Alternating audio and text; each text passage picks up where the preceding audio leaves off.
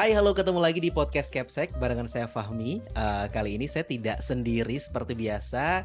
Podcast Capsek ini menghadirkan satu obrolan yang menarik banget nih listeners ya. Kali ini saya bawa teman saya yang agak jauh kita secara jarak, makanya kita pakai Zoom meeting gitu. Iya nggak sih? Halo Firda. Halo Mas Fahmi, apa kabar? Sehat, sehat. Firda gimana kabarnya? Sehat? Baik, Baik ya. Oke, Firda ini adalah uh, apa Fir? Coba dikenalkan diri kamu ke halayak ramai. Halo, halo halayak ramainya Mas Fahmi dan inspirasi. Perkenalkan, saya Firda. Okay. Uh, eh, saya kebetulan kebetulan nih. Kebetulan. Uh, kebetulan nih kerja sebagai project officer di mhm. Inspirasi mm -hmm. dan ngehandle salah satu project yang ada di Karawang. Gitu. Oke, okay. projectnya namanya By the way, apa? Saya orang Makassar. Dadah dadah dulu sama Kedengaran dulu sama Ewaku ya. Oke, okay, programnya guys. Baji-baji. Betul gak sih jawabnya kayak gitu? Iya betul betul betul betul. Oke, okay. kalau di Karawang ini kan kita project di Karawang ini banyak banget ya. Di episode-episode sebelumnya juga kita bahas tentang project Karawang ya uh, di rintisan hmm. pertama sama kedua. Nah ini bedanya sama project-project yang lain di Karawang apa Fir? Yang kamu handle sekarang? Nah uh, perbedaannya sebenarnya oh ya kembali ke inspirasi inspirasi lagi ya kalau visi misi mm -hmm. kan kita semua sama ya yes. sama-sama mau uh, mengkapitalisasi ini kepala okay. sekolah bahasanya sungguh nah, tapi luar biasa oke okay.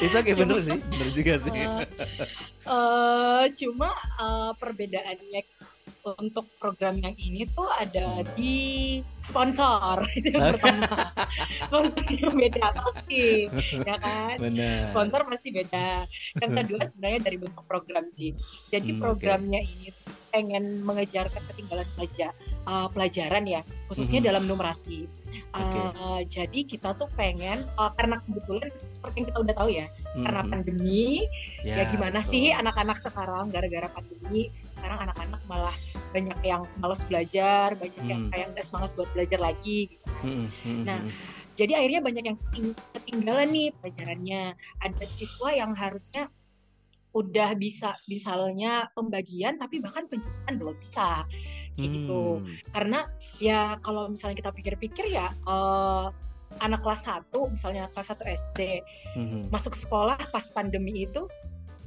dua tahun nggak masuk sekolah hmm. tiba-tiba kita new normal masuk sekolah eh total udah kelas aja bener bener kayak tutup mata terus buka mata eh kelas tiga aja nih gitu iya. kayak apa yang kemarin uh, terjadi gitu kan iya, iya. nah dari situ akhirnya uh, karena kita mau mengejar ketertinggalan siswa itu mm-hmm. akhirnya kita mau membuat program ini gitu kita mau bikin program remedial gitu kan nah. kita ngasih kelas remedial kelas remet mm-hmm. ceritanya ya mhm. kelas tambahan buat siswa-siswinya mm-hmm. cuma kita pakai uh, pendekatan yang baru nih. Ini pendekatannya belum pernah ada yang cobain nih di Indonesia. Uh-huh. Ini pertama banget nih cobain sama wow. inspirasi. Oke. Okay. Uh, eh, pendekatannya itu namanya teaching at the right level atau pembelajaran sesuai level siswa. Uh. Menarik sekali ya. Sebentar, uh, sebelum kita lebih dalam lagi, aku mau tanya, kenapa hanya numerasinya aja yang digarap ya, Fir ya? Padahal kan uh, hmm. apa namanya hmm. dari kementerian yang digarap adalah ya? literasi dan numerasi gitu ya. Hmm, Tapi kenapa betul, numerasinya doang ya? Oke, ini mungkin iya. alasan sih. Hmm. Kenapa tuh? Uh, karena sebenarnya kalau literasi itu udah part of our plan ya. Kita emang udah pengen uh, masukin hmm. dalam uh, rencananya kita untuk ke depannya cuma untuk saat ini kita numerasi dulu karena ini masih pilot nih kan hmm. uh, lagi ini adalah program yang baru pertama kali nih pendekatan okay. ini baru pertama kali dilakukan di Indonesia hmm sebelumnya ini tuh ini sebenarnya programnya diadaptasi dari program-program lain uh,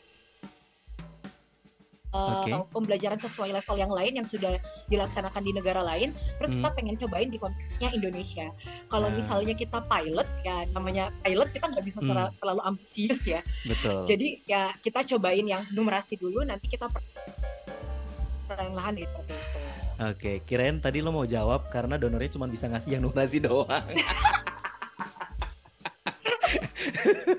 bener sih iya kan itu juga ya ada benernya okay. ada benernya tapi oke okay.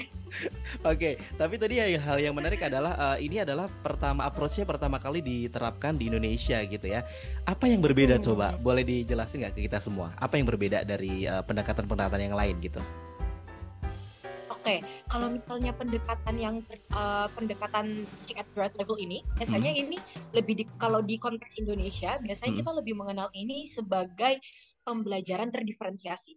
Sepertinya oh, okay. uh, orang-orang orang-orang di dunia pendidikan kayaknya lebih familiar dengan kata pembelajaran terdiferensiasi. Betul, betul. Uh, cuma uh, dan konsepnya sama. Jadi mm-hmm. konsep pembelajaran terdiferensiasi ini adalah membagi siswa-siswi itu mm -hmm. ke dalam kelompok levelnya masing-masing. Okay. Contoh nih, kalau dalam program kita ada lima level. Mm -hmm. Pertama level satu itu ada penjumlahan, mm -hmm. level 2 ada pengurangan, mm -hmm. tiga itu perkalian, empat itu pembagian habis, terus lima itu pembagian sisa, gitu kan.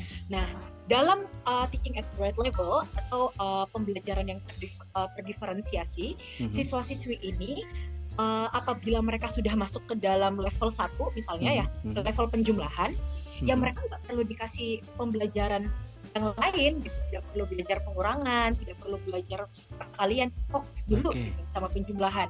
Nanti hmm. kalau udah bisa penjumlahan, nanti dia dikasih naik lagi nih levelnya ke level pengurangan dan begitu seterusnya. Nah, hmm. untuk pendekatan ini itu sebenarnya uh, sudah terbukti efektif di beberapa studi itu sudah terbukti efektif bisa uh, uh, apa ya membantu siswa-siswi itu uh, belajar skill-skill dasar. Jadi hmm. ini tuh metode yang paling cocok kalau mau mengajarkan skill dasar. Nah, hmm. sedangkan untuk program kita ini kan kita mau mengejar ketertinggalan matematika dasar ya. Betul. Nah, dari itu kenapa kita mikirnya ah kayaknya metode ini nih yang paling tepat uh, menjawab permasalahan kurangnya hmm. numerasi dasarnya anak-anak di uh, Karawang sih. Karawang ya. Oke, luar biasa. Ini emang agak mirip sih konsepnya sama uh, pembelajaran berdiferensiasi ya. Kalau dari Kemendikbud hmm, kan betul. sekolah penggerak memang lagi ke arahnya sana ya. hmm, ya. Ada perbedaan hmm. dalam mengajar gitu ya. Kemudian dari proses produk dan juga uh, kontennya gitu ya yang dibedakan hmm. gitu. Nah, hmm, uh, kalau ini tadi uh, yang kamu jelasin itu nanti yang yang dapat trainingnya siapa? Apakah uh, seperti workshop-workshop kita yang lain kepala sekolahnya atau ada gurunya atau hmm. bahkan langsung ke anak-anaknya gimana nih? Ah, wow, training wow. anak-anak itu kan siapa tahu kan luar biasa ya. langsung iya betul betul betul Tapi gitu kan karena sebuah ide uh, uh, uh, sebuah ide itu sebuah ide, ide. kampung ya assalamualaikum inspirasi Tuh. sebuah ide um, kalau untuk trainingnya sih kemarin kita hmm. uh, melibatkan uh, guru okay. uh, dan kepala sekolahnya. Kebetulan hmm. yang kita target itu ada 25 sekolah yang ikut dalam programnya kita. Hmm. Berarti ada 25 kepala sekolah ya yep. yang ikut serta di dalam programnya kita. Hmm. Kemudian untuk gurunya kita hanya khusus memilih guru kelas 3 dan 4 Oke. Okay. Uh, guru kelas 3 dan 4 saja yang ikut dalam hmm. uh, programnya. Jadi totalnya sekitar ada 50 guru. 50 guru hmm. siswa dan 25 kepala sekolah. Itu hmm. sih yang kemarin jadi beneficiary okay. program. Yes, yes. Ini ada alasan uh, secara ilmiah atau berdasarkan risetnya nggak? Kenapa kelas 3 dan kelas 4 ya? Selain jawaban yang tadi aku bilang, karena donornya uh. cuma pengen itu. Nggak boleh jawaban itu ya. Nggak boleh. Nggak boleh jawaban itu. Oke, okay, ya agak ilmiah dan teoritis sedikit nggak apa-apa. Oke. Okay. Nah, Kenapa kelas okay, 3 4 ya? misalnya, ya? Uh, kenapa kelas 3 dan karena itu tadi yang sempat saya ini ya sempat hmm. saya mention kalau misalnya anak kelas 3 4 itu agak lucu gitu kondisinya. Okay. Jadi kayak hmm. mereka kelas 1 tiba-tiba pandemi ah. tutup mata buka mata eh tahu-tahu udah kelas 3 4 aja gitu. Itu hmm. kayak apa ya dan uh, kan terbukti ya banyak yeah. studi yang membuktikan kalau misalnya memang pembelajaran selama pandemi itu kurang efektif gitu betul, kan. Dan betul. itu salah satu faktor utama kenapa banyak siswa-siswa yang ketinggalan di dasar-dasarnya. Hmm, Pelajaran hmm. yang harusnya mereka udah kuasai di kelas 1 itu mereka belum kuasai sama sekali yeah, gitu. Yeah. Ketika mereka sudah masuk di kelas 3 dan 4. Makanya 3 dan 4 ini menurut kami adalah dua kelas yang paling terdampak gitu loh sama pandemi kemarin. Jadi Benar ayo kita uh, ini gitu. Untuk remetnya uh, kita ngasih mereka kayak kelas remet materi kelas 1 gitu. Karena ini kan kalau penjumlahan pengurangan itu kan adalah materi kelas 1 ya. Benar sebenarnya enggak sih kelas 2 lah ya kelas 2 gitu ya operasi bilangan uh, penjumlahan dan pengurangan juga kelas satu udah udah ada. Oke, ini menarik sekali sih uh, karena uh, ini aku juga ngerjain program gitu ya di daerah lain gitu ya, uh, listeners. Jadi kalau di Tegal sendiri, aku ngerjain di Tegal. Tegal itu juga memang ketika pandemi kemarin tuh agak kacau gitu. Ketika aku tanya uh, kemarin gimana pembelajarannya gitu. Nah, uh, kamu bisa kasih konteks kayak kalau di Karawang yang uh, daerah yang kamu apa namanya garap ini, garap ini uh, gimana sih konteksnya? Maksudnya kondisinya ya, seperti kayak apa? Sawah. ini uh, walaupun mungkin secara umum barangkali Indonesia ini agak mirip ya, tapi mungkin kamu bisa secara uh, konteks di Karawang aja lah di tempat yang kamu uh, apa namanya uh, apa program ini berjalan gitu seperti apa gitu anak-anaknya. Apakah memang selama dua tahun kemarin itu benar-benar lost doll gitu? Kalau emang emang gak belajar sama sekali atau atau gimana sih? Ya atau masih ada pembelajaran tapi ala kadarnya atau seperti apa mungkin bisa kasih Hmm, konteks oke. kita semua nggak? Nah, kalau misalnya ini ya, kalau uh, ini sebenarnya Hmm. uh, saya informasinya saya ambil dari ya cerita-cerita sama Hmm. guru kepala Oke. sekolah dan juga uh, pengawas tempat gitu. Nah, Mhm. pada saat ini uh, pada saat pandemi tuh ya setengah-setengah buka sekolahnya karena nggak bisa menutup se, Iya. se- apa ya kayak kayak di kota tuh kan kita kayak pokoknya tutup gitu nggak boleh Iya, ada benar. pembelajaran lagi. Nah mereka tuh ya mau nggak mau gitu karena Hmm. ya percaya apa enggak internet itu nggak sampai ke sana gitu masih Nah. banyak daerah yang Ah, internetnya tuh nggak ada itu pertama internetnya Oke. ada masalah internet ya Mhm. yang kedua orang tuanya nggak semua orang yang punya nggak semua orang tua tuh punya smartphone Ya. itu lagi jadi ya mau nggak mau ya harus tatap muka mau Mhm. nggak mau harus tatap muka cuma ya dibatasi aja waktunya kemudian atau ya diakali dengan gurunya yang uh, ke kelompok-kelompok kecil gitu jadi Hmm. kayak siswa-siswinya tuh kayak ngumpul di satu tempat terus nanti gurunya yang dampingin mereka Hmm. karena online itu sulit di sana nggak ada jaringan nggak ada Hmm. nggak semua orang punya smartphone sulit Hmm. bahkan dari sisi gurunya aja ya gurunya juga ada yang nggak punya smartphone Mhm. dan Ah. tidak tahu teknologi gitu jadi itu Oh, agak. Bahkan gurunya juga nggak ada, ada yang nggak bisa Ah, gitu ah, ya. bahkan iya ada yang nggak bisa nggak ngerti zoom nggak ngerti wa waan Hmm, taunya iya, iya. sms gitu. Iya benar-benar benar. Iya itu juga PR juga sih karena guru ini jadi salah satu bukan salah satu lagi ya orang yang menjadi eh, apa tolok ukur bukan apa ujuk tombak ya keberhasilan si anak-anak ini Hmm. menerima pembelajaran. Mm-mm. Mm-mm. Iya agak agak sedih juga kalau misalkan gurunya nggak iya bisa. sedih kan Hmm, benar benar. Terus gimana kalau gambaran programnya itu seperti apa, Fer? Eh, pelatihan selesai, habis itu ya udah kita ngelihat atau atau gimana? Boleh dijelasin nggak? Hmm. Ah, oke Mm-mm. oh mungkin aku agak kurang jelasin ini ya jadi Gimana itu tuh? model programnya itu Hmm. agak bukan agak sih emang studi jadi dia program Oh. tapi slash stu- uh, studi atau penelitian Hmm. juga jadi itu kita membagi 25 sekolah ini Hmm. ke dalam empat kelompok yang berbeda Oh, Nah, empat kelompoknya ini, eh, empat kelompoknya ini treatmentnya juga akan berbeda, gitu Hmm. kan? Untuk melihat kira-kira treatment mana yang paling cocok, gitu kan? Untuk Hmm. kita implementasi lebih luas lagi ke depannya. Oke. Eh, dari empat kelompok ini tuh ada kelompok yang hanya melaksanakan kelas tambahan Hmm. dan hanya gurunya aja yang di training, gitu. Oke. Terus ada juga kelompok yang kepala sekolahnya di training, gurunya juga di training, gitu. Oke. Jadi beda ya dengan yang Iya. kelompok pertama. Kelompok pertama kepala sekolahnya nggak di training Mhm. gitu. Terus ada juga kelompok yang melakukan um, bimbingan individu. Jadi bukan kelas tambahan tapi bimbingan individu Hmm. gitu. Jadi bimbingan individu tatap muka gitu. Oke. Bimbingan individu dan uh, kelas tambahan. Jadi mereka Hmm. ngerjainnya dua. Dia Hmm. mereka ngerjainnya dua.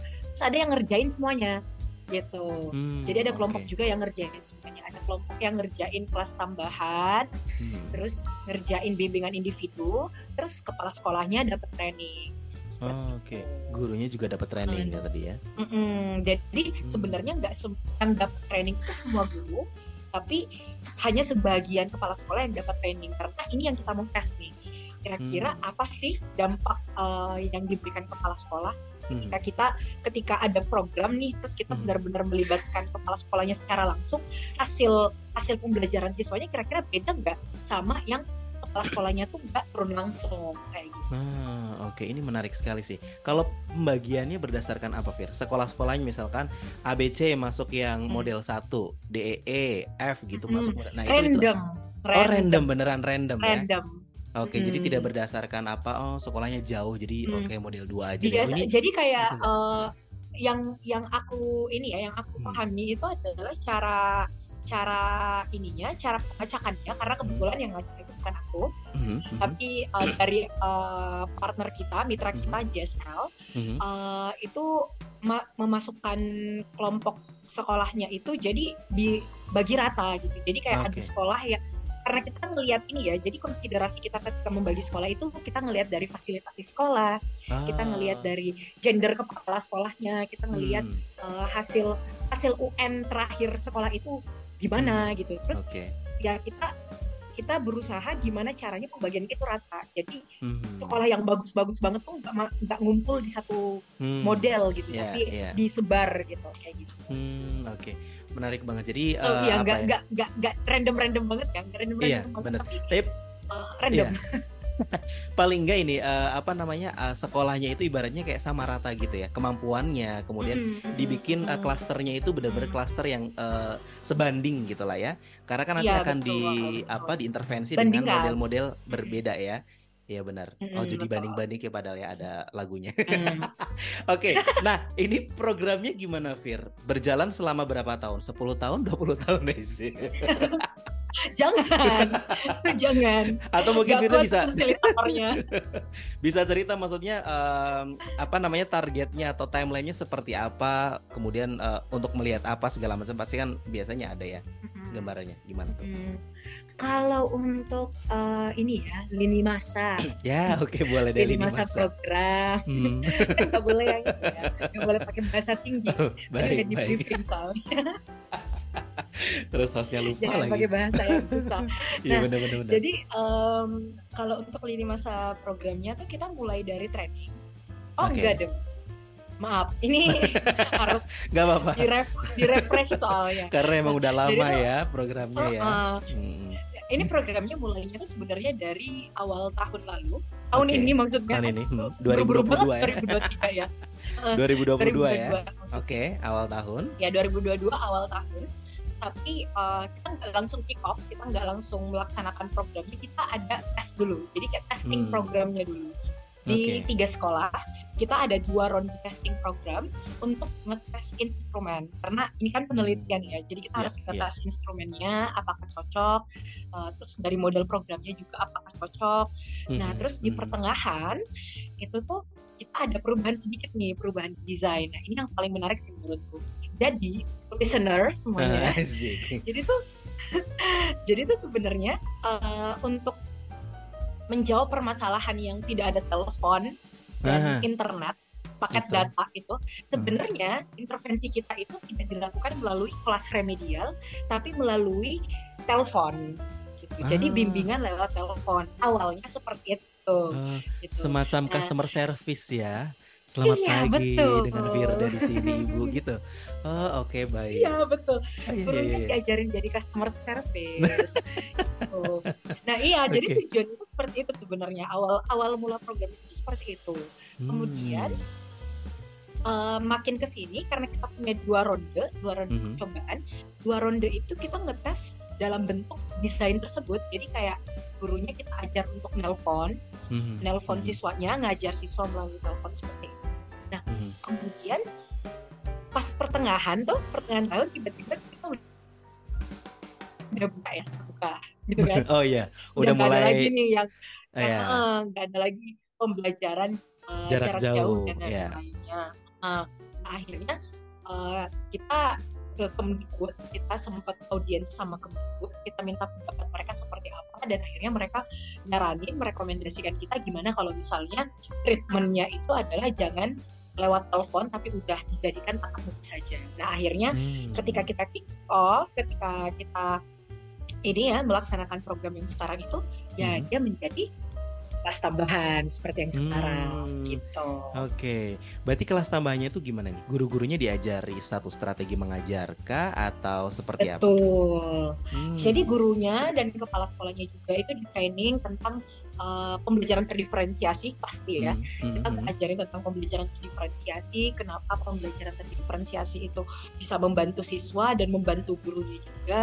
Hmm. Uh, kemudian kita juga nge-training gurunya gimana caranya membagi siswa-siswi itu ke dalam kelompok-kelompok level gitu. Hmm. Terus uh, dan bagaimana kepala sekolah bisa membantu guru-gurunya selama mengimplementasikan programnya.